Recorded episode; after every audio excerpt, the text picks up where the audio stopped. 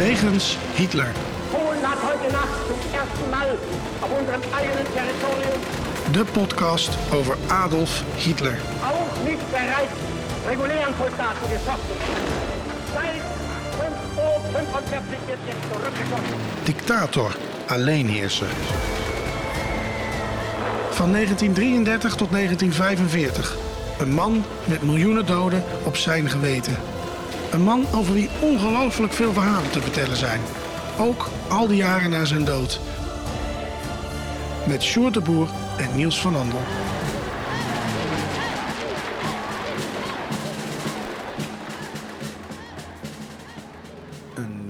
Week, een nieuwe wegens Hitler. Sjoerd, we zitten hier weer, meer dood dan levend, maar we, we zijn weer klaar om op te nemen. Hè? Hoppatee, we gaan Ja, ervoor. ja, het wordt echt wel. Het is soms wel een molensteen om onze nek, hè, de podcast. Nee, nee, het wordt met liefde gemaakt. Ja, en, eh, maar het is wel soms moeilijk inpassen. in de squeezen het erin. Ja, we, we blijven stand houden. We blijven proberen elke week er te zijn. Eh, we hadden het daar net ook even ik voel over. me net een. Duitser aan het oostfront. Ja, joh. we moeten door. maar eh, het is wel pittig, luisteraars. Maar ehm, als ik dan weer zie deze week, dan dat vorige week, of maandag, eh, vorige week, dus als dit opgenomen wordt, eh, we een oproep doen, blijf vooral vriend van de show worden. We en er in een week gewoon tien of elf bij krijgen. Ja, dat, dat, dat, dat motiveert dan toch wel weer om door te Ja, gaan. maar, maar ook al die leuke reacties hoor. En dan even een opmerking, even een- ja, ik ben ook naar Berlijn geweest en dan, dan, krijg, kom je in een leuk gesprek terecht. Ik vind het, ik, ik vind het superleuk. Ja, dus het, het is mooi te zien dat deze podcast zoveel mensen bereikt. Ehm, wij blijven dus ook doorgaan. We- doen trouwens ook verwoede pogingen om op locaties in musea op te mogen nemen.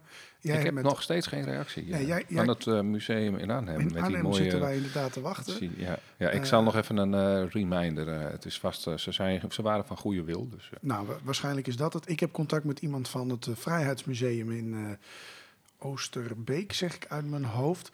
Ehm, die was nu druk, maar die zei dat hij er binnenkort op terugkwam. En dat we dat, dat. Hij ging ook eerst even de podcast luisteren, wat ik wel snap.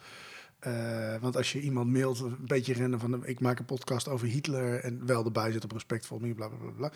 Moet er toch even bij, maar dan toch iemand even wil luisteren, dat begrijp ik ook wel en sindsdien heeft hij niet meer gereageerd, begrijp ik. Nee, nou, dat, ik denk dat wij het best wel netjes doen, anders hadden we niet meer zoveel luisteraars. Al moet ik zeggen, als je naar Duitsland nu kijkt. Ja, nou ja, goed. Het is maar de vraag eh, hoe goed het allemaal gaat. Ehm, hartstikke leuk in ieder geval om te zien dat er weer zoveel mensen vriend van de show geworden zijn. Want daarmee help je ons echt om in de lucht te blijven. Een podcast maken is niet gratis. Alleen het apparatuur wat hier al op tafel staat gaat over de 1000 euro heen aan kosten. Ehm, ehm, dus, dus heel fijn als mensen ons helpen. eh, boeken, al dat soort zaken worden er in ieder geval van gekocht. Dus het komt allemaal goed terecht om deze podcast in stand te kunnen houden. Ehm, eerst dan nog iets over de aflevering vorige week. Eh, we hebben twee keer een aflevering online gezet, maar dat was dezelfde. Eén was met AI en de andere is gewoon dat ik hem bewerk. Nou, ehm, ik heb ze beide geluisterd. Eh, ik vind dat de AI-versie qua onze stemmen echt eh, een stuk beter is. Mhm. Wij zijn veel harder te horen, veel beter op elkaar afgestemd. Ja. Ja. ja, kijk, ik kan niet elke tien seconden mij iets harder zetten en jou zacht. Ja, dat kan wel, maar dan ben ik twee dagen aan het bewerken per aflevering. Die tijd hebben we niet, zo eerlijk moeten we ook zijn. Ehm, ja, het nadeel is alleen dat de tussenstukjes, die worden gewoon een soort van als, als, als rotzooi gezien en weggehaald. Mm, ja, Eh, ja. dus de plek hoor je de laarzen niet meer marcheren, ehm, dat soort dingen.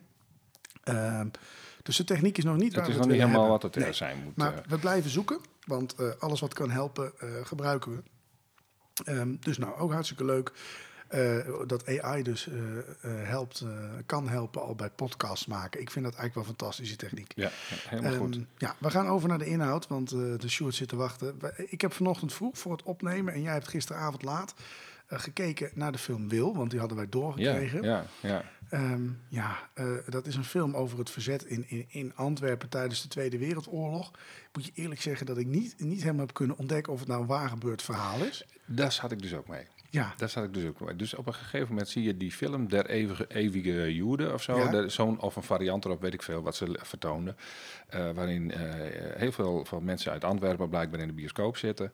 En eh, allemaal anti-Joodse propaganda over zich heen krijgen. En dan gaan ze naar buiten en dan slachten ze eigenlijk een, een, een hele club Joden, slepen ze naar buiten. En dan vindt er gewoon een, een pogrom plaats.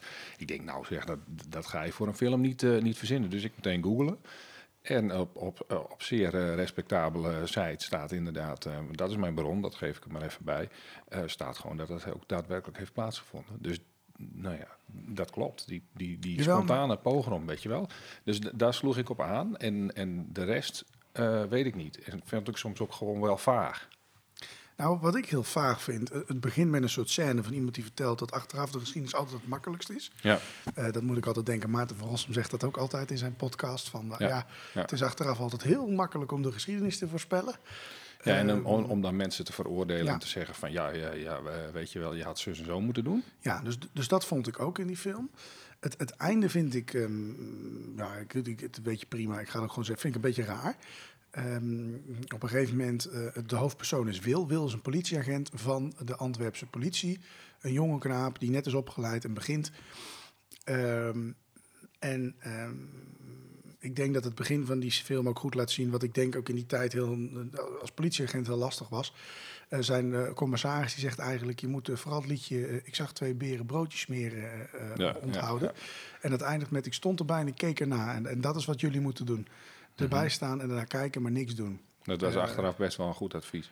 Eh, ja, want eh, nou goed, de, verder moet je de film ook maar kijken. Maar dat- spanningsveld zit in die film heel erg. En die Ja. wil die, die, die, die moet op een gegeven moment schaken tussen dat hij bij de Zwarten hoort. Dat is denk ik de NSB van die tijd. Ja, je moet er trouwens wel even de, de, de ondertiteling onder gooien, want anders dan snap je er geen zak van. Ik kon dat.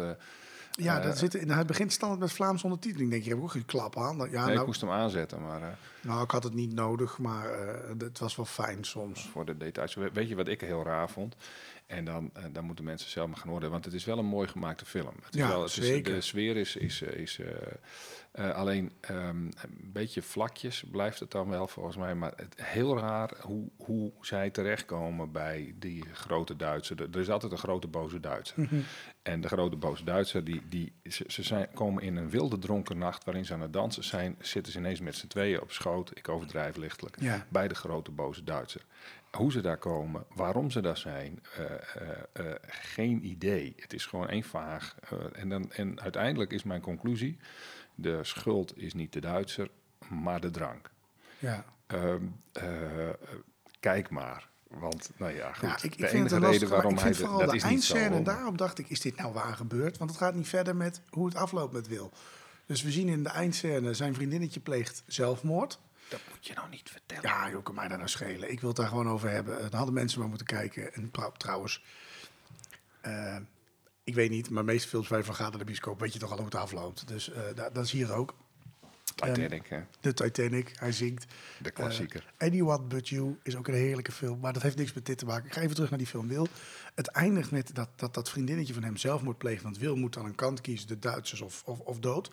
Dat is een beetje de keuze waar hij op het einde in staat. Eh, en dat vriendinnetje pleegt zelfmoord. En, en het laatste beeld is dat we Wil geschrokken zien kijken en dat is het. En, ja, en, ja. en, daarvoor van- heeft hij ook nog even besloten, zeg maar, in zijn eerste echte daad. eh, van, eh, van ik doe mee met de Duitsers. Dat hij dan degene is die de kindjes op de vrachtwagen zet. Ja. in plaats van de volwassenen. Dus hij gaat wel echt in de overdrive. En dat allemaal binnen. ehm, De laatste vijf minuten zijn het meest vage gedeelte van die film. En ik weet niet hoe het afloopt. Hoe loopt het af met Wil? dat wil ik niet meer weten. Ja, ik wel. Nee, wil. Nee, laat maar. Wil heeft de verkeerde We kant gekozen, vind jij? Vind je dat Wil de verkeerde kant gekozen heeft op het eind van de film? Ja, we zijn hier nu al tien minuten over bezig, kan nou wel. Eh, eh, eh, ja, welke verkeerde kant? Ik bedoel, hij loopt achter zijn meisje aan nadat hij een babytje heeft laten afvoeren. Dat lijkt me nogal de verkeerde kant. Nee, maar ik bedoel, meer, ja, sorry, ik bedoel het denk ik anders. Ik bedoel, natuurlijk is duidelijk dat je dan de verkeerde kant hebt gekozen. Of tenminste, je hebt de kant Oh, gekozen nee, van ja, lijstbehoud. hij- maar ja, hij moet kiezen tussen blijf ik leven en doe ik wat de Duitsers willen. Of eh, ga ik, eh, bied ik weerstand doordat ik dood ben, wat ik net voor me heb gezien op een Ja. martel. eh, ja, de, martel. ja, nee, de- de- ja, vind je dat een goede? Geen idee. Dan gooi me er maar niet voor. Ik ga niet kiezen. Dan nee. moet ik zelf kiezen. ja, Nee, ja, weet ik veel. maar daar eindigt die film ook mee. Hè? Achteraf is het lekker makkelijk oordelen. Weer die Ja, tekst. ik zou het niet weten. Ik zou niet weten wat ik moet doen. Ik denk dat ik voor zelfbehoud ga. Dat doen de meeste mensen volgens mij. Ja. Ehm, ik, ik vind wel eh, interessant. Ja, ik, ik, ik kom er niet achter of het waar gebeurd is. En, en we weten ook niet hoe het met Wil afloopt. Dus eh, nou, mocht iemand dat weten, laat het ons weten. Ik, ja, ik, ja, ik, ja, ja. en wellicht die luisteraar die volgens mij een rol of iets heeft gespeeld bij deze film. Ja, maar het is wel, mooi- het, wat, het is wel mooi gemaakt. En het is een prachtige eh, film. Ik vind het een goed verhaal hoor. Ik vind het ook een goed Ja. verhaal, daar niet van. Maar ik vind het lastig is het waar gebeurd. Nee, ik vind de dilemma's wat weinig uitgesponnen. Een beetje lont erin ge, ge- gedro- gedronken nacht, weet Ja. je wel. Nou ja, goed. Eh, volgend onderwerp. Sorry, Ehm het Hitlers dagboek. Eh, oh, ja, ja, ja, ja, je bent ook nu net als die film. Je gooit het wat lomper in. Je wil gewoon naar het volgende onderdeel. Nou, laten we dat dan maar, maar- doen ook. maar Vooruit. Eh, we gaan naar het volgende onderdeel. En dat is zoals altijd Hitlers dagboek.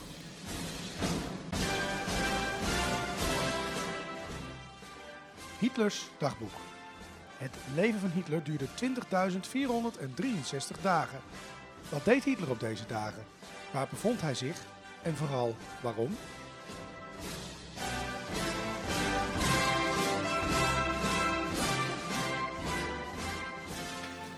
Ja, ehm, Hitlers dagboek. Eh, wij gaan online op, eh, kijken, 5 februari 2024. En wij gaan eh, terug naar januari, februari 1915. Dus we gaan een beetje illegaal doen, maar zo kennen we ons. Ja, het was te mooi, vind je niet? Ja, precies. Dus eh, ik ga maar weer eens los. ehm, want kijk, eigenlijk als ik moet gaan vertellen, moet Stuart de opening doen. Maar daar had hij geen zin in, want hij maakte geen aanstalten. Dus ik doe het wel weer zelf. Oh, ik, ik wil wel even voorlezen Ja. waar je het over gaat hebben. Je gaat, Ja. Jij gaat naar de locaties toe. Een klein beetje de plek doen we erin. Warneton of Waasten, dat is het. eh, of, eh, de, de, de, de, het is precies op de grens tussen België en Frankrijk. Dus je hebt twee namen. Messine of, of, of Comines of Komen. Nou, in die regio zitten we, ergens onderaan België. Is de Eerste Wereldoorlog is uitgebroken en Hitler is in die regio gestationeerd. Ehm, we doen dus niet precies één datum, maar we pakken even een wat bredere periode, omdat we gewoon interessante informatie tegenkwamen. Ik mag losgaan. Ja, ga je gang. Heel fijn. Nou, het aardige aan dit verhaal is in ieder geval dat Hitler eh, in deze periode brieven stuurt naar zijn oude huisbaas eh, Pop. Ehm, en eh, daaruit ehm, een, paar citaten waarin Hitler in ieder geval vertelt over zijn leven als soldaat. En in januari schreef hij het volgende. We bevinden ons nog in dezelfde positie en pesten de Fransen en de Engelsen. Het is verschrikkelijk slecht weer. Vaak staan we dagenlang tot onze knieën in het water onder zeer zwaar artillerievuur. We verheugen ons al op een paar dagen aflossing. Hopelijk zal er daarna snel langs het hele front worden aangevallen. Het kan niet eeuwig zo doorgaan. En op een andere kaart uit, uit die tijd schreef hij het volgende. Ondanks onze defensieve positie leiden we veel dagen verhoudingsgewijs grote verliezen. De krachtinspanningen zijn enorm.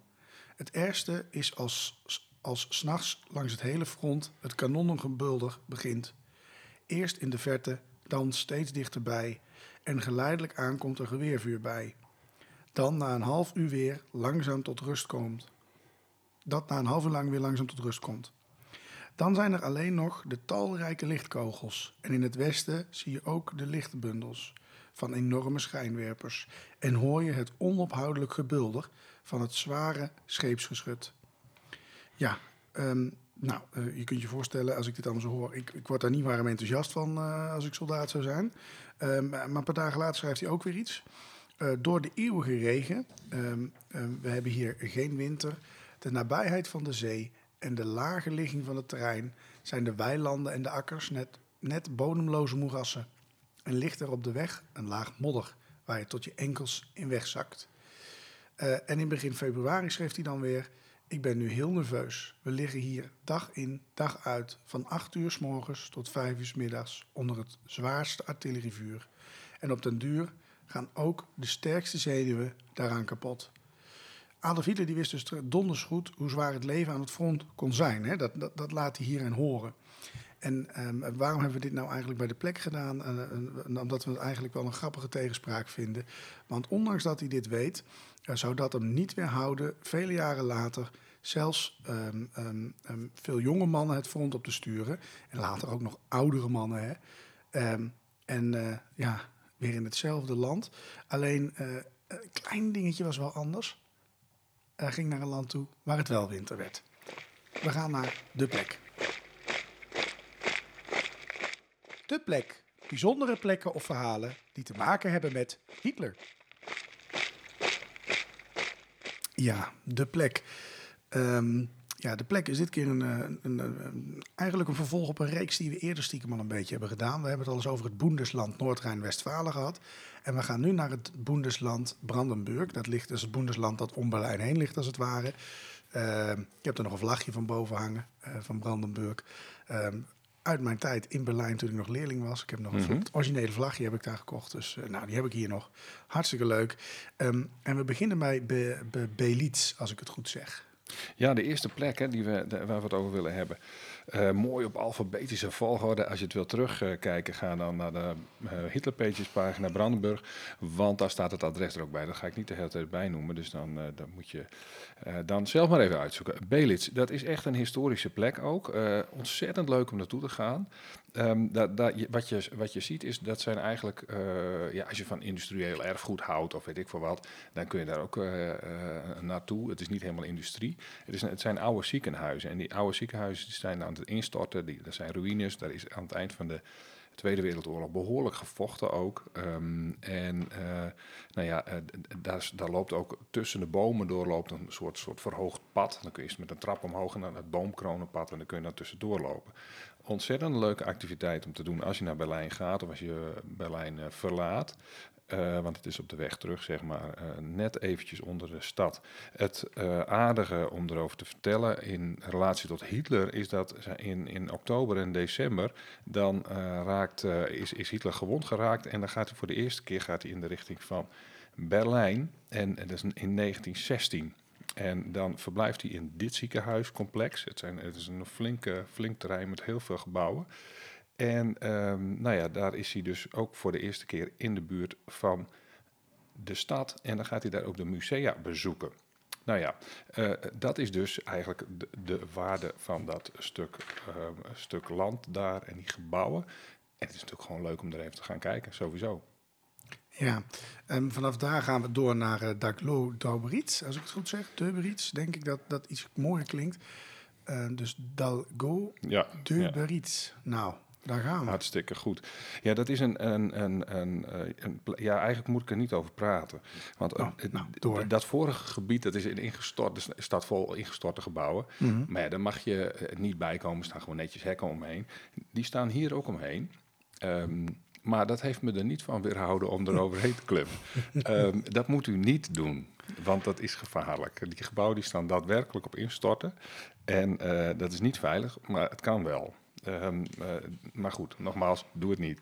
Eh, dat, is de, dat, heet, dat is de zo, zogenaamde Deuberitz. Dat is tegenover het Olympisch dorp. Hebben we het straks nog even over. Dat zit verderop in het alfabet. Ehm, dat is een, oude, een oud vliegveld. Daar, zijn ook foto's van dat Hitler daar is en dat Geuring daar is. Ehm, eh, ja, het is eigenlijk heel interessant. Nou ja, goed. Dus ik ga vooral even naar de website, kijk even naar de foto's. Eh, een oud vliegveld. ehm, verboden te- om daar rond te lopen. Ik zeg het nu drie keer. Ja, ja.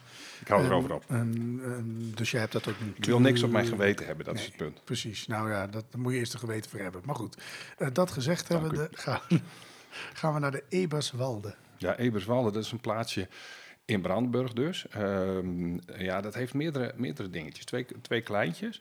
Eh, ten eerste is er sprake van dat op, de, op het moment dat Hitler dood is en een lijk is geworden, dat hij ehm, eh, op verschillende plekken is bewaard door de Russen eh, voordat hij helemaal verdwenen is. Eh, dat is een beetje een lulverhaal, maar Eberswalde is er in ieder geval één van.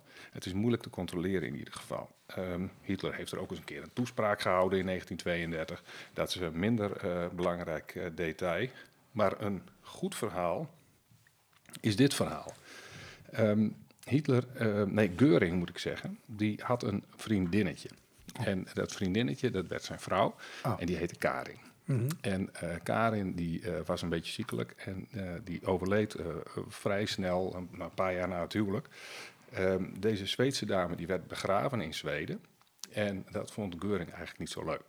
Dus hij bedacht, toen hij aan het bewind was in Duitsland, had hij wat meer macht, heeft hij de familie overgehaald om dat graf leeg te halen en die kist naar Duitsland te transporteren. Nou, dat heeft hij gedaan. Ehm, eh, en dan komt die kist, die komt in Eberswalde met de trein aan, het, aan op het station. Dat station is er nog, dat kun je bezoeken, dat lijkt er nog precies op. En wordt op een vrachtauto gelegd en verdwijnt in de richting van Schorfheide. En in Schorfheide heeft eh Geuring zijn jachtslot Karinhal, genoemd naar zijn vriendin, met een tombe klaarstaan waar die kist naartoe gaat. Adolf Hitler is erbij, de muziek van Wagner klinkt. En zij wordt daar in de grond begraven. Kijk aan. Ehm, dit verhaal, eh, als je dat uitgebreider wil horen, we hebben ooit een aflevering gemaakt over Geuring en de Karinhal. Volgens mij, ehm, zoals dat eh, die begraafplek heet eh, uiteindelijk. Ehm, we gaan naar de volgende plek en dat is Frankfurt aan Oder bij de Poolse grens. Eh, en eh, dan de stad uh, Slublice. Nee, oh, je bent nog even te snel. Want ik had nog eentje. Oh, Daar gaan we inderdaad zo over hebben. Want ik vergeet eentje over. oh. ik, ah, over, luisteraars, begeer ehm, dit. eh, Ja. ja. nee, deze is te leuk. Want dit komt namelijk over Karinhal gesproken. Dat is dus dat jachtslot Mhm. eh, van, van, van Geuring. En daar kun je naartoe. Daar zie je eigenlijk alleen maar de poorten van. Maar als je flink de bomen in loopt, dan vind je allerlei ruïnes van, van, van, van, gebouwtjes. En eh, leuker nog, als je in, in dat Eberswalde gaat kijken, in het eh, zogenaamde eh, Park Weidendam, dan vind je een beeld dat daar heeft gestaan. Dat is het, de camp van de Amazone. En ehm, ja, die staat daar gewoon midden in het park. Er zijn ook foto's van dat je hem ook echt bij, bij, bij Karenhal ziet staan. Dus dat moet je nog even meepikken als je toch in Eberswalde bent. Oh, oké. Nou, eh, fijn dat ik nog wat, eh, wat heb Sorry. weten te triggeren. Nee, het is je vergeven. Ehm, ehm, dan gaan we nu dus echt naar dat Frankfurt aan Oder en naar dat Slublice. Als ik het ja, goed zeg. Ja, dat is, hoe heet dat, dat Frankfurt eh, am Main of Frankfurt am Oder. Een van de twee is volgens mij de basis voor een hit van Bluff. Want dat is origineel een, een, een hoe heet dat, dat liedje over, over Zeeland. Nou ja, goed. We Ehm, bluffen ons er weer doorheen, maar we gaan door. Ja, ja nou, sorry, dat moest ik even kwijt.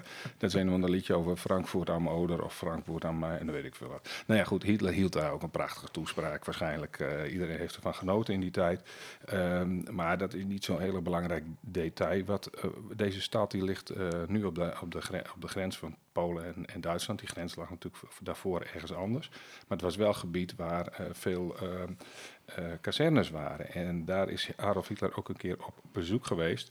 En dat is wel leuk. Als je daar inderdaad in de buurt bent, dan eh, kun je die kazernes, die gebouwen staan er in ieder geval nog. En dat heeft wel een betekenis voor het oudere Duitse Rijk ook. Ja. Ehm, dan gaan we door naar de, ehm, eh, de Groos Schennenbeck. Groos Ja, Schennenbeck. Gewoon, Ja. gewoon Schöne. Schönebeck. En mo- Schöne. eh, eh, lekker bekkie, weet je wel? Ja, lekker hoor. Lekker bekkie. Van die hele grote vis verkopen ze daar. Groos kibbeling noemen ze het ook wel. Met saus. Volgende. Zo flauw. We gaan naar Hardekop. Nee, Gro- ja, nee, Schönebeck, dat is echt heel leuk. Ehm, eh, wij gingen natuurlijk een, eh, niet in alfabetische volgorde naartoe toen we daar waren. Nee. Ehm, eh, wij gingen eerst naar Karenhal toe. En dan deden we nog wat omzwervingen. En eh, in de buurt daar ligt een klein eh, jachtslot. en dat jachtslot heeft een museum. En ehm, nou ja, goed, er zijn allerlei dingen teruggevonden toen, toen, toen dat, dat, ze, dat eh, jachtslot van, van, eh, van, van Geuring werd eh, platgeschoten en opgeblazen. Ehm, toen zijn ook een paar van die dingen zijn bij dit museumpje terechtgekomen. En als je daar naar binnen loopt, dacht van nou, laten we maar zo'n eh, kijkje nemen. Maar ik had al een fotootje gezien dat er wat leuke dingen waren. Maar het waren er meer dan ik dacht. Ehm, nou, er staat een- sowieso een mooie maquette van, van, van Karin Hal. Eh, er staat een beeld dat uit de tuin kwam. Hebben ze ergens uit het, uit het water gevist. Er is, zijn heel veel meren daar. Een grote pilaar. En als, ja, wat ik echt het leukste vond, een paar van de wagonnetjes van Geuring. Die had, op zolder had hij een enorm plateau met, het, met speelgoedtreintjes. Ja, zo'n man die had niet zoveel te doen. Hij had een land te leiden, het was oorlog. Mensen hadden honger. Hij speelde met zijn treintjes. Eh, eh, die zijn hartstikke verroest, maar ze liggen daar wel in ieder geval. Dus dat is, ik vond dat heel leuk om te zien. Als hij nou net zoveel tijd in al dat soort zaken had gestoken als in zijn luchtmacht, poh, was het dan een succes geworden. Hè? Ja, wie weet. Ja, Ja, precies. Ehm, wij gaan naar de volgende plek en dat is Harnekop. ja dat, dat, dat is echt een, een historische plek. Ik ben daar niet geweest trouwens. Eh, het is 3 maart 1945. Let op die datum. Het is bijna voorbij. Eh, dan verlaat Adolf Hitler zijn bunker nog een keer en gaat dan naar een slot in Harnekop eh, in het oosten, richting de Russen dus. Daar heeft hij militair overleg. Ehm, dat, is, ja, dat is gewoon, dat, dat losstaande feintje vind ik al heel spannend dat hij dat nog gedaan heeft. Ehm, als je daar bent, dan, ja, dat slot, dat is niet zoveel meer. Het gelo- ligt geloof ik nog wel een slot, slotgracht of zo. Maar er is ook een eh, DDR-atoombunker. Dus, en die is volgens mij open voor publiek. Dus mocht je dat interessant vinden, dan moet je die eigenlijk even meepikken. Ja.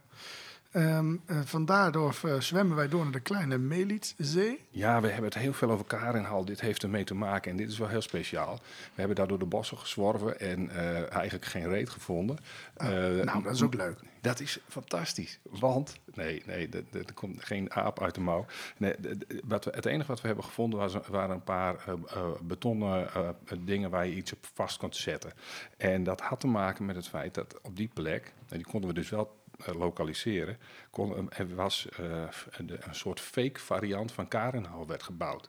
Ge- Geuring was bang voor bombardementen, eh, dus had hij vlakbij, nou, wat is het, het is 20 kilometer verderop, had hij een soort nep Karenhal eh, laten bouwen. Gewoon met, met, met, met hout en, en, en gespannen rommel.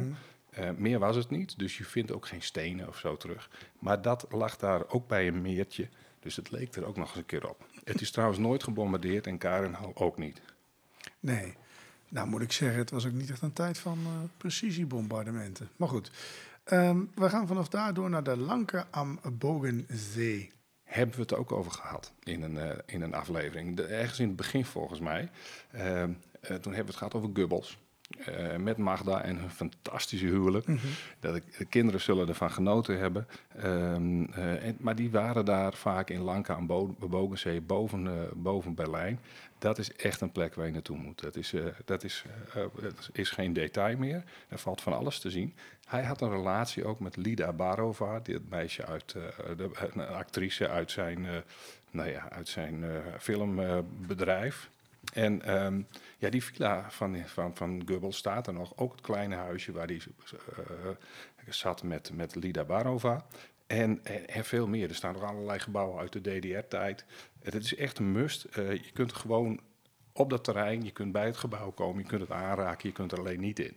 Oh, nou, eh, ook interessant om te bezoeken. Vanaf daar gaan wij door naar Oranienburg. Ja, ja, daar ben jij volgens mij, eh, in ieder geval ben je er een paar keer langs gereden. Eh, eh, want eh, dat heeft alles te maken met eh, eh, het concentratiekamp Sachsenhausen. Ehm, er valt niet veel te zien, maar als je naar het concentratiekamp eh, Sachsenhausen gaat, dat doen veel mensen die in Berlijn zijn, dan is, eh, dan, dan is er een plakkaat ergens in Oranienburg.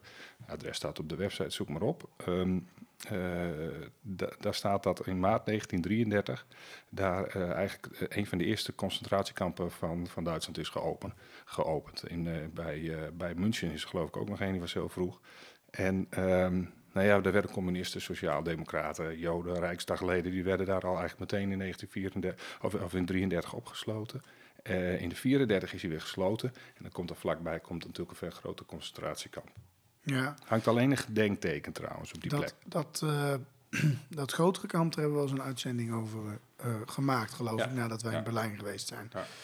Ehm, dan gaan we naar eh, um, ook een bekende plek, denk ik, voor mensen die in de Tweede Wereldoorlog geïnteresseerd zijn, Potsdam. Zijn we ook eh, samen twee keer geweest? Ja, Of één Nee, keer? één keer. één keer. Eén keer. Ehm, jij als begeleider nog toen? Of, eh, Ja, ik ben ook als ik een begeleider nog Toen waren, oh geweest. ja, we zijn de vorige keer in Potsdam Nou, geweest. ik ben mee geweest toen als gast en ik ben ook Ja. een keer als docent mee geweest. Ik kan me de tocht met mevrouw Nazarova nog goed herinneren. Wat een ja, ja, jij had heel veel vrijheid, hè? Ja, Ja, ja, wij- ja, wij- goed, ik kan nu hele foute grappen maken. Maar nee. Nee, wij, eh, wij, eh, wij hebben dat beter geregeld. Ehm, eh, we hadden ook, hoe heette onze appgroep ook alweer? Waar we jou aan toevoegden op een gegeven moment. Oh ja, wij, hebben het het wel wel leuk. Ja, ja, ja, ja, ja. Zo was dat. Nee, Potsdam. Ehm, eh, ja, in Potsdam vinden we onder andere de Garnizoenskerk. En Potsdam is bekend natuurlijk van de dag van Potsdam, dat Hitler en Hindenburg elkaar ontmoeten en dat het eigenlijk het startpunt, symbolische startpunt is van het Derde Rijk. Eh, daar is eh, Potsdam bekend voor. Maar er is ook S- Schloss Cecilienhof, waar de kroonprins ook wel eh, rondhing. Maar waar ook de, de, de geallieerden samen besloten over hoe ze nou verder moesten. Ehm, dat is interessant. Dan heb je het park van Sanssouci. Nou ja, goed, dat is sowieso historisch interessant. Eh, maar als het gaat over Gubbels, dan, dan is het filmpark Babelsberg. eh, waar ik overigens alleen maar een paar keer ben langs gereden, omdat het een soort pretpark is. Mhm. Eh, maar er moeten echt nog historische plekjes zijn waar ik echt nog eens een keer nou ja, wat aandacht aan moet besteden. Maar daar, nou ja, daar vond- werden die, die, die films gemaakt, van de eeuwige Jood en dat soort vreselijke dingen, tot, tot hele flutterige plezierfilms. Aan het eind van de oorlog is daar ook met de geallieerden gesproken, hè? Ja, Potsdam. ja, ja, dat is bij dat Slos uh, Ja, Sicilië. oh, dat is los. Oké, ja, ja, ja, klopt. ja, Ja, Ehm, dan gaan we naar de, ehm, ehm, de Woesteren, Woesterenmark, als ik het goed zeg. Het Olympisch dorp. Oh, je slaat Sjorf Heide over. Nee, die staat niet op mijn briefshirt. Ach, potverdorie, ben ik dat vergeten. Daar gaan we nog even over hebben. ja. Want dat, ja, sorry want- luisteraars voor want deze... het echte Karenhaal hebben we wel drie, vier keer genoemd. Maar in de, in de alfabetische lijst, daar is die weer, ehm, ehm, eh, zijn we nu pas bij Karenhaal. Dat ligt namelijk in Sjorfheide. Eh nou ja, ik heb het al gezegd, er, er- er staat een poort, die is nog echt. En er liggen resten in de grond. Het begin van het trapje van die tombe ligt er nog. Ontzettend leuk om naartoe te gaan. Ehm, eh, wat ik nog niet gezegd heb, dat is dat daar. ehm, nee, ga ik, ga ik ook niet zeggen ook. Doet er niet toe. Eh, we- gaan snel naar die andere. Oh, oké. Nou, eh, dan nee. gaan we weer naar de Woesterenmark. Ja, dat is een. Ik moet nu een heleboel plaatjes dat met foto's van, Olympisch van dat jachtslot. ja, even, even kijken hoor. Er Dat- waren Olympische Spelen, hè, 1936. ja, vertel maar. En ja, die Olympische Spelen waren voor de natie natuurlijk echt een propagandastunt, zullen we maar zeggen. Hè? Het was ook even het gevoel van op vakantie van het naziregime, want ineens waren alle regels tegen Joden weer even versoepeld. Ehm, nou, we hebben een beetje beeld. We hebben er ooit een aflevering ook over dat stadion gemaakt. Ja, ja. Eh, nou, dit is- dan dit toch is dan het Olympisch dorp. Ja, je moet er echt naartoe, naar dat stadion. Ik, Maar jij soms- kent het verhaal ook van die, van die Joodse, eh, Joodse meneer die daar de, de heet het? eh, eh, de eh, die, nee, die Joodse meneer die daar de baas was van het, eh, van het, van het Olympisch dorp, dat hij eh, dat, hij dat moest bouwen en zo. Ja, die heeft zelfmoord gepleegd uiteindelijk, zelfmoord toch? Ja, gepleegd, ja, ja, ja. ja, ja, ja. Ik Dat weet het verhaal niet meer precies. Hebben wij in, de, in een van de podcasts ook, hebben we het ook over Ja, gehad. ik denk over dat eh, stadion, dat we dat even besproken hebben. Maar dit, dit dorp, ehm, daar kun je gewoon een rondleiding krijgen. Oh. Het huisje van Jesse Owen. Je kunt er ook eh, gewoon, als ze aan het bouwen zijn aan de andere kant, kun je ook gewoon naar binnen lopen. Dat hebben wij gedaan. Want het was op een dag dat er geen rondleidingen waren, maar dan kun je er ook op komen. Maar meestal is dat dicht. Ehm, eh, het zwembad, er is ook een zwembad. Eh, daar moet onze uh, Rie Mastenbroek, eh, die daar goud haalde op die spelen, die moet daar, eh, ja, denk ik, gezwommen hebben. Hij moet daar getraind hebben. Dus eh, dat is wel, dat is wel een leuk, leuk ding. Dat, het ligt echt tegen Berlijn aan, maar het, het valt nog net onder Brandenburg. Ja, ja, nou hartstikke interessant om eens even langs te gaan. Eh, last but not least is Woensklaarf. Ja, ja, Woensdorf gewoon. Woensdorf, Ja, neem me niet kwalijk. Mijn handschrift is natuurlijk dramatisch. Het zijn een C hij- en een L, Sjoerd, maar dat maakt niet uit. Word ik nou gecorrigeerd door jou op mijn, mijn schrijfwijze? Ja, dat is toch wel ernstig. Woensdorf. Het oppercommando van het leger zit daar. Zat daar. Als ze er nog zitten, wordt het wordt het heel. Wehrmacht.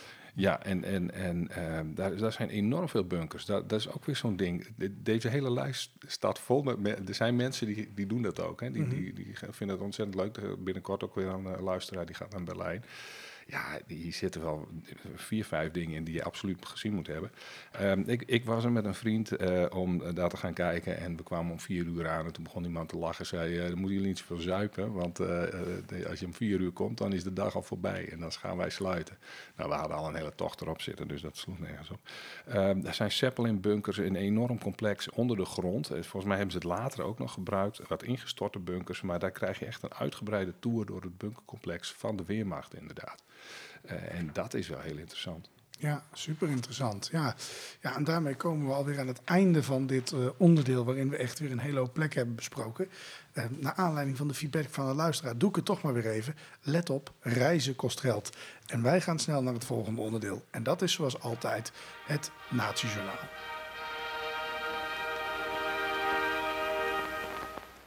Het Natiejournaal. Bijna dagelijks is er nog wel iets te vinden over Hitler. Hij is in het nieuws, er is een stuk in de krant, een tweet, een interview of een nieuw boek. We bespreken het in het Natiejournaal.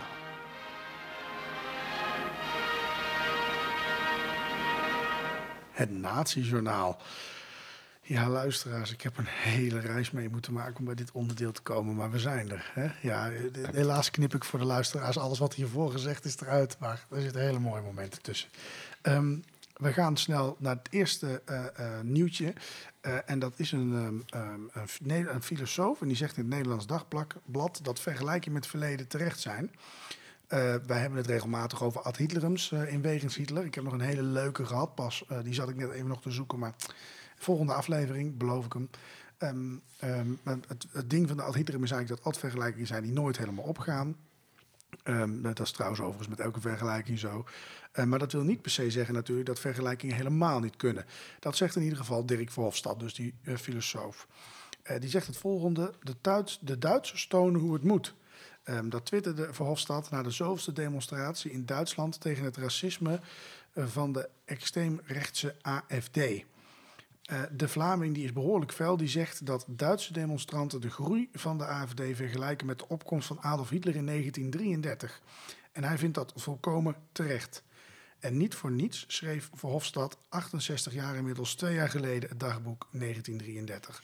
Het gevaar van extreem rechts. Ehm, maar dat kunnen we niet eh, verder lezen omdat we geen abonnement hebben op het Nederlands Dagblad. Dus nou ja, ehm, ehm, we moeten het hier dan belaten. Ehm, maar eh, ehm, ehm, het is jammer natuurlijk, want het is best wel interessant om te discussiëren over hoe zinvol je eh, kunt vergelijken. Ja, dat is waar ik wel, eigenlijk wel benieuwd naar. Maar goed, eh, dan blokkeert hij. Ja. Nou ja. Nou ken ik iemand die wel een inlog heeft. Oh, bij het Nederlands Dagblad? Jawel, ik heb wel wat connecties binnen een club die daar wel bij kan. Dus misschien eh, Nou, kan ik dat wie- nog wie regelen. Weet, wie weet kunnen we even kijken wat hij daar precies over zet. Of we moeten het boek we gewoon kunnen het kopen. even, dat kan ook. Maar we kunnen het ook even, nog even hier kort op. Ehm, je, je ziet wel die hele. Wat vind jij van die, wat daar in Duitsland gebeurt nu? Nou ja, ik, ik, ja, wat vind ik daarvan? Ik, ik, ben, ik kom net bij Niklas Frank vandaan. Hè. Die ben ik maar Mhm. afgelopen maandag geweest. En die vindt er van alles van. Die had een prachtig verhaal daar trouwens over. Eh, dat is een, voor, de, voor de lu- luisteraars die hem niet kennen. ehm, Niklas Frank is de zoon van, van Hans Frank. En dat was de advocaat van Hitler. En de gouverneur van Polen ging niet per se over, over Auschwitz trouwens. Maar goed, daar wist hij wel alles van. En dat is echt een, een felle, felle eh, eh, die, die, die strijd tegen het antisemitisme, tegen dat wat zijn vader heeft gedaan, neemt er echt afstand van op, op he- hele stevige wijze. En ehm, er was binnenkort een, een, een protestactie van de AFD in een dorpje tegen de, de huidige Poolse grens aan. En waren, waren heel veel eh, nou ja, Russen ook binnen waren gevallen. Was nog, Daar hadden ze nogal wat huis gehouden. Dus die pakken die datum en willen daar een, een, een rechtsgeluid neerzetten, zeg maar. En nou, daar werd, dat, hij heeft een, een monument gemaakt. En dat strijdt tegen, dat, dat, dat, eh, in ieder geval tegen het antisemitisme. En toen had de burgemeester van het dorpje had hem opgebeld met de vraag van... wil jij met dat monument, daar zit een hele grote krokodillentraan in... met een spiegel waar als je voor staat, dan zie je jezelf. Eh, en dat is ook de bedoeling. En, eh, wil jij met het monument naar dat dorpje toe komen? Dus nou ja, ja dat wilde hij wel. Kost 500 euro en dan, dan mag je hem huren. En, maar ja, ga je dan ook mee? Ga je er ook naast staan? Dus ja, die man is... eh, die, is daar, die burgemeester is er eigenlijk niet van gediend. Hij ook niet. Hij gaat daar staan. Waarmee ik ook niet meteen een. een ik verklaar ook niet meteen dat de AFD. dat dat eh neonazies zijn of weet ik veel wat. Ik verklaar helemaal niks. Ik vertel alleen een verhaal dat hij daar staat. hij vindt dat. Ehm, eh, en ehm, eh, ja, dat vond ik interessant. Ja, wat ik wel bijzonder vind aan te zien in het hele verhaal, die discussie die nu is. Eh, er zijn nu hele grote anti-AFD-protesten. Die zijn nog groter dan de AFD zelf. Hè, dus dat Mhm. is misschien ook wel.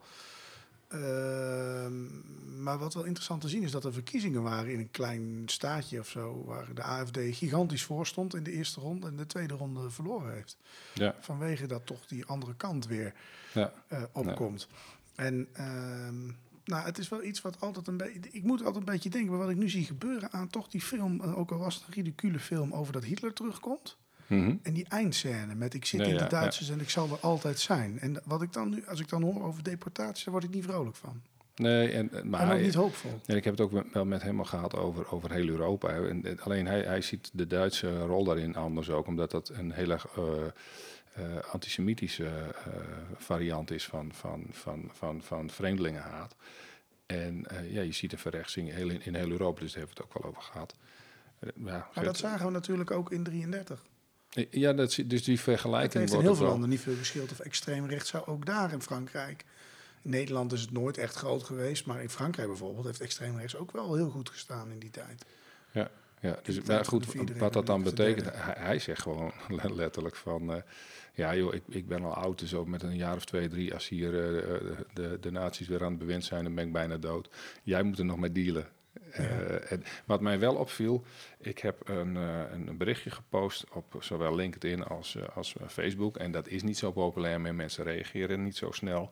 Maar het zijn, eh, waarin ik ook duidelijk uitleg dat hij het woord antisemitisme valt ook. En dat ligt nu moeilijk, gezien Israël, eh, Palestina. Daar Mhm. gaat het helemaal niet over, noem ik niet eens. Maar daar zie je toch dat mensen ehm, niet reageren. Eh, dat, dat hoeft ook niet, je hoeft niet op mij te reageren. Maar ik heb zelden zo weinig eh, reacties gehad. eh, want het ligt natuurlijk gevoelig in Nederland ook, eh, eh, deze discussie. En Ja. dat vind, ik- daar vind ik dan ook wel weer wat van. Zeker als ik zo'n oude baas zie die zegt van ja, maar ik, ik, ik maak wel een statement. Ik maak helemaal geen statement, ik vertel alleen maar iets. Maar eh, goed, ja, nou ja. Ja. Ik, vond- dat viel mij Helder. op. Ik vind dat raar. Ja, nou, zeker een onderwerp waar we nog wel eens verder op kunnen gaan. Wellicht met dat boek gelezen te hebben. Eh, interessant. Ehm, wij gaan door naar het volgende nieuwtje. En dat gaat over de commandopost van Arthur Seys. Oh, oh ja, we zijn bij, bij, bij, met het nieuws bezig. Ja, hè? ja. ja die, die, die, daar hebben we het volgens mij ook eerder over gehad in het nieuws. De, de, de, die wacht nog steeds op her- herbestemming. Eh, op, eh, in Monumentaal Magazine stond op 26 januari 2024 dat nou ja, ruim tien jaar geleden verklaarde het eh, ministerie van Defensie de commandopost Klingendaal aan de rand van Wassenaar overtollig. Het Rijksvastgoedbedrijf moest de schouwplaats van natieleider Arthur Seyss-Inquart verkopen. Nou, eh, dan vertellen ze iets over dat het een bijzonder bouwwerk is en dat het een functie had tijdens de Tweede Wereldoorlog en de Koude Oorlog. En dat het sinds 2015 een commando eh, is, is dat de commandopost een rijksmonument is. Maar ja, eh, het, het, Rijk heeft dus geen interesse en dan is de RVB is, verplicht het object te verkopen. En bij de verkoop is het volgens, volgens de RVB van belang dat een nieuwe eigenaar respectvol met de cultuurhistorische waarden omgaat en dat nieuwe functies zich verhouden tot de geschiedenis van het complex. Nou, zo ken ik Nederland weer. Kwart er een eh geschiedenisding in of zo. Ja, daar hebben ze het ook al over gehad. Ja, eh, ik vind het, eh, nou ja, goed, eh, weer typisch Nederlands. Doe me denken aan die muur van de NSB die daar een beetje staat te vergaan. Maar goed. ehm, Ja, maar die was ook, wordt ook opgeknapt, toch? Had je ja, verteld? eh, Jawel, maar goed, dan nog. Dat, dat, we zijn 80 jaar verder, hè? Ja. Hè? Dus ja. ik vind dat wel zorgelijk. Ehm, Nou ja, dan mag jij de volgende doen. ja, een ander nieuwtje is dat het eh, Berlijnse warenhuis Kaufhaus des Westens, KDW, faillissement heeft aangevraagd. Ja. Ja, nou zul je misschien denken, faillissement, dat is nou niet echt eh, Hitler-nieuws. Eh, maar, maar dat is niet helemaal waar, want voor ons en voor andere Berlijnse bezoekers ehm, is het toch wel echt wel een iconische plek waar je even langs moet gaan. En Ja, eh, ja. dat dat warenhuis zo iconisch is, want wij zijn er ook weer geweest in mei. Ehm, en dat heeft ermee te maken dat de Tweede Wereldoorlog bijna naadloos overging in de Koude Oorlog. Ehm, en, en met het KDW als het symbool van het kapitali- kapitalistische Westen. Eh, en, en, en nu is het dus eh, failliet. Nou, eh, we zijn heel benieuwd wat er met dit gigantische gebouw gaat gebeuren. Gelukkig zit er in de, vast, eh, zitten er in de vastgoedsector wel echt principiële mensen die het niet om winst gaat, maar om het behoud van die historie. Dus ik, heb echt goede hoop. Dit komt helemaal goed. Ja, dat, dat ding stond er ook al in de tijd van Hitler. Hè. Was toen ook al een symbool. Eh, het is geloof ik uiteindelijk gebombardeerd of er is iets op neergestort. Eh, het is echt helemaal kapot geschoten in de oorlog. en, en daarna weer opgebouwd. En het is een heel historische plek. Ja, ja. Ja, dat merk je niet meer als je erin loopt. Hoor. Het is echt gewoon een nou commercie. ja, dit is, ja de, binnenkant is gewoon helemaal, eh, Ja. ja. weet ik veel wat. Maar er is, er is wel hoop dat het zou kunnen overleven. Maar dit, dit laat wel zien eh, dat de VND niet zomaar is gegaan, zullen we maar zeggen. Nee, nee, nee, nee, maar dat viel me ook op. Ik was in Düsseldorf, eh, was ik aan het rondlopen. En dan heb je van die, van die andere, zo'n eh, zo'n.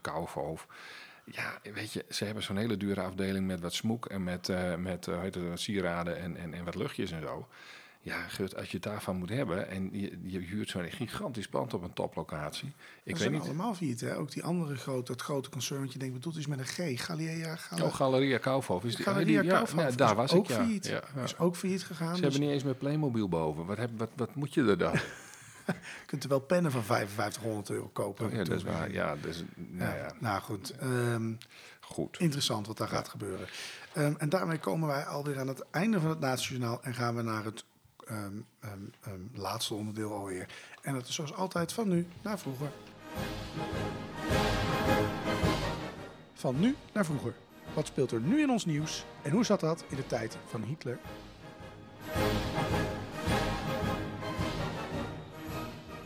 Ja, van nu naar vroeger eh, gaan, we, gaan we mee verder. Ik, ik zat in het nu, echt heel erg in het nu, zat ik afgelopen maandag. En daar hadden we het net al over, in, in Mhm. de buurt van Hamburg. Want ik was bij eh Niklas Frank op bezoek. En toen moest ik terug door de stad. En toen kwam ik stil te staan. En in die stad Ja, eh, dat waren boerenprotesten waren bezig. Dus ik heb daar drie uur op, de, op de snelweg stil- stilgestaan. Kon geen kant op. En dan kun je een beetje nadenken. En toen dacht ik aan vlaktoermen. En toen ging ik dus even op mijn telefoon kijken. En toen zag ik dat een van de vlaktoermen in, in, in, eh, in, in, hoe heet die stad nou? Hamburg, wat zei ik nou? Daar wordt een gigantisch hotel bovenop gebouwd. Lijkt me een topplek om een keer te, te, te overnachten. Eh, maar dat bracht me wel op het idee van, hey, hoe zat dat precies met die vlaktoerm daar in eh, Hamburg? Het waren er een stuk of vier, dacht ik. En nou ja, jij weet daar alles van toevallig. Nou ja, goed, in ieder geval over zo'n ding dat er nog staat. Hè. Een vlaktoren, een, een soort toren eigenlijk. Ja, niet een soort toren, is een enorme toren, een enorme bunker van Flex. Flex, vl- vliegtuig loopt kanonen. Nou, hier, hots, Ja, oeh, oeh. Ja, Ja, ja. dat waren gewoon luchtafweergeschut. Die werden erop eh, geplant. Ehm, een stuk of vier of vijf, zes. Er kon er een hele hoop op in ieder geval. En eh, die stonden natuurlijk, die bommenwerpertjes die eh, overkwamen vliegen plat te schieten. Ehm, wat, wat, eh, wa- waarom was dat nou zo'n enorm complex? Nou, één, eh, het vervelende van bombardementen is dat er ook Duitsers zijn, gewone burgers, die nog in zo'n stad zitten. Nou, daarom werden ook die bunkers gebouwd. Eh, die bunkers die waren enorm dus. Hè. Het, en het is een type G-bunker, eh, gevechtsstand of zoiets stond die G voor. Eh, en dat is een van de grootste die ooit is gebouwd, de, degene waar je het over hebt. Ja? Ehm, het is eh, eh, ontworpen om schuilplek te bieden voor 18.000 mensen. Eh, tijdens dus de bombardementen door de geallieerden. Ehm, 18.000 mensen daaronder ja. onder dat. Oké. die konden in die bunker schuilen eh, tijdens zo'n eh, bombardement. Ehm, het was zelfs een bijzondere bunker, want hij had extra wijde toegangen, zodat ehm, mensen met een kinderwagen of iets gewoon goed naar binnen konden, vrouwen Mhm. en kinderen. Ehm, dan zul je denken, waarom zegt die vrouwen en kinderen? Nou, de mannen die werden met het geweer natuurlijk het slagveld opgestuurd. En eh, tijdens de bombardementen in 1943 ehm, gaf deze bunker dus ook echt eh, daadwerkelijk schuilplekken. Hij is in 1942 gebouwd. Ehm, die is niet gebouwd door mensen die daar veel zin in hadden, maar dat is met duizenden, ehm, in ieder geval ruim duizend gedwongen arbeiders eh, gedaan. De bunker is 75 bij 75 meter en 35 meter hoog en heeft muren van maar liefst 3,5 meter dik. Ehm, en eh, dat is in ieder geval genoeg om een, een, directe bominslag te kunnen eh, weerstaan. Ehm, er zijn er trouwens nog meer van gebouwd van deze dingen, want eh, deze dingen zijn ook gebouwd in Berlijn later en in eh, Oostenrijk. Mhm. Eh, die in Berlijn die zijn bijna allemaal weg. Er is nog één soort van over dan. Eh, Ja, daar ja. hebben wij opgestaan. afgelopen eh, mei nog gestaan. Ja. Eh, ja, en ehm, er stond al nog een ander hulpbunkertje bij, maar die, die is weg. Ehm, ehm, maar eh, deze bunker die staat er dus nog. En daar wordt nu dus dat hotel opgebouwd. Het wordt ook gebruikt als kantoor, eh, eh, als school, voor muziek onder andere. En wat stond er nou nog meer voor iets interessants bij? Op het terras kun je gewoon lekker een kopje koffie drinken. Ehm, dus misschien wel mooi om te zien dat dat, dat, pand wat nou, niet zo'n mooie reden had, ook nu, deze dag, nog overeind staat. En ehm, dat is misschien wel het mooiste aan die torens, om te kunnen zeggen... eh, de torens, eh, ja, die staan nog overeind. Maar de bedenker van het Derde Rijk, die ligt eh, vlakbij zijn voormalige bunker onder de grond. En ja, zijn rijk, anders dan de torens, is ingestort.